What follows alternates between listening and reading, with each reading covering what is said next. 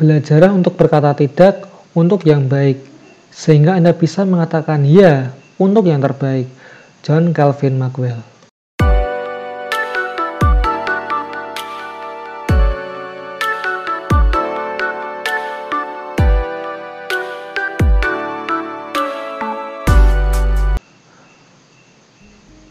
Kebanyakan orang dalam kehidupan ini sulit untuk berkata tidak, di Indonesia khususnya, dengan kebiasaan dan ciri khas orang timur yang sangat menjunjung tinggi norma kesopanan.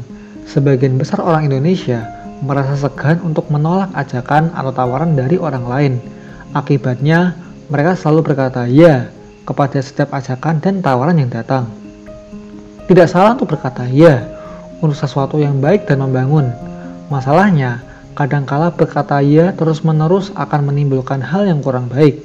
Contohnya, ketika Anda sebenarnya memiliki janji dengan keluarga Anda untuk makan malam bersama di restoran, tetapi teman Anda tiba-tiba mengajak Anda untuk pergi menonton pertandingan basket bersama.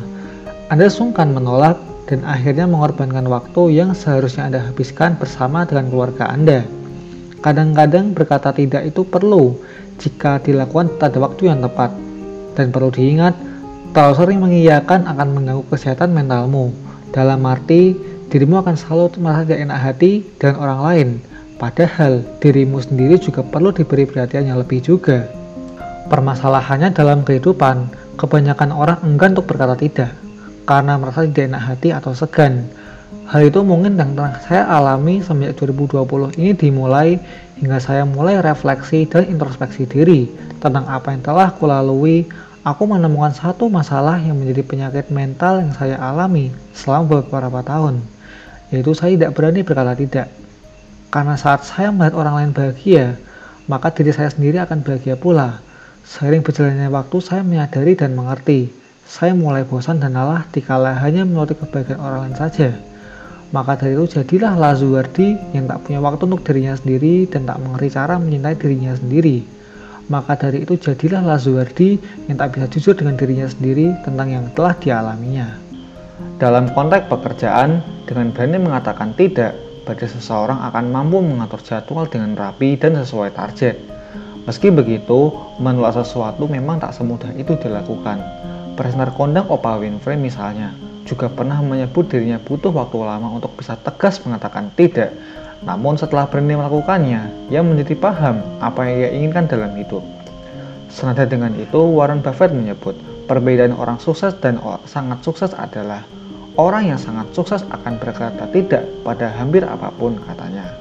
Daniele menyebut berkata tidak bisa jadi akan menutup beberapa pintu, namun bukan berarti tidak bisa membuka pintu-pintu yang lain. Berkata tidak membuat Anda keluar dari zona nyaman dan lebih menghargai diri sendiri. Maka dari itulah episode ini dibuat. Momen tahun baru 2021 ini yang biasanya diisi oleh hura-hura, kembang api, trompet, dan sebagainya juga dijadikan untuk ajang introspeksi diri terhadap yang saya alami. Agar ada yang mengingatkan saya tentang arti bahagia dan kata tidak itu akan membuat dirimu merasa lebih baik. Dengan berkata tidak itu akan menanamkan perlahan rasa jujur kita pada diri sendiri.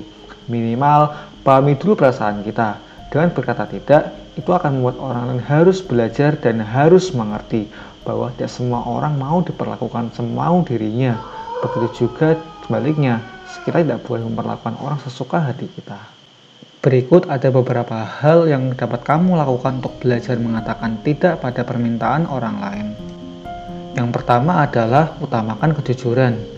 Berani untuk berkata jujur adalah sesuatu yang bijaksana. Katakan kepada orang yang mengajak atau menawarkan sesuatu kepada Anda yang Anda tidak dapat lakukan bahwa Anda sangat ingin terlibat, tapi ada hal lain yang harus Anda kerjakan sebagai prioritas Anda.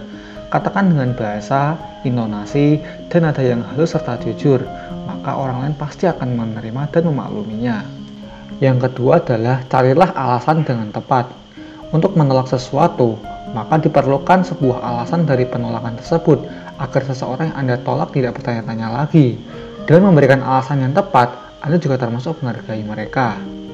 Jika Anda memang orang yang cenderung sibuk, Anda dapat memakai kesibukan Anda sebagai alasan penolakan Anda.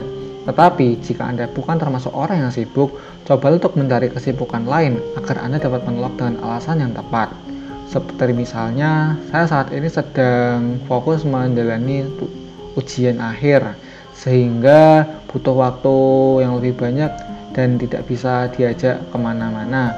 Maka dari itulah gunakan alasan itu supaya kamu bisa nyaman dengan diri sendiri dan orang lain juga bisa mengerti tentang apa yang telah kamu alami. Yang keempat adalah jangan lupa untuk meminta maaf.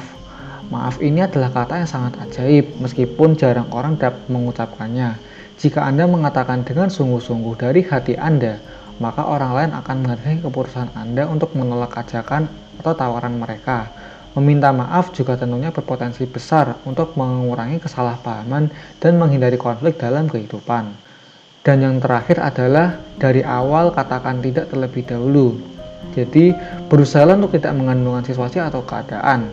Pastikan orang yang mengajak atau menawarkan Anda sesuatu tidak berharap sia-sia. Berikan jawaban pasti dari awal. Jika memang Anda sudah tahu bahwa Anda tak bisa terlibat, maka sebaiknya Anda bilang dari awal dan bukan mendadak sesaat sebelum waktunya tiba. Semoga bermanfaat dan selamat tahun baru 2021.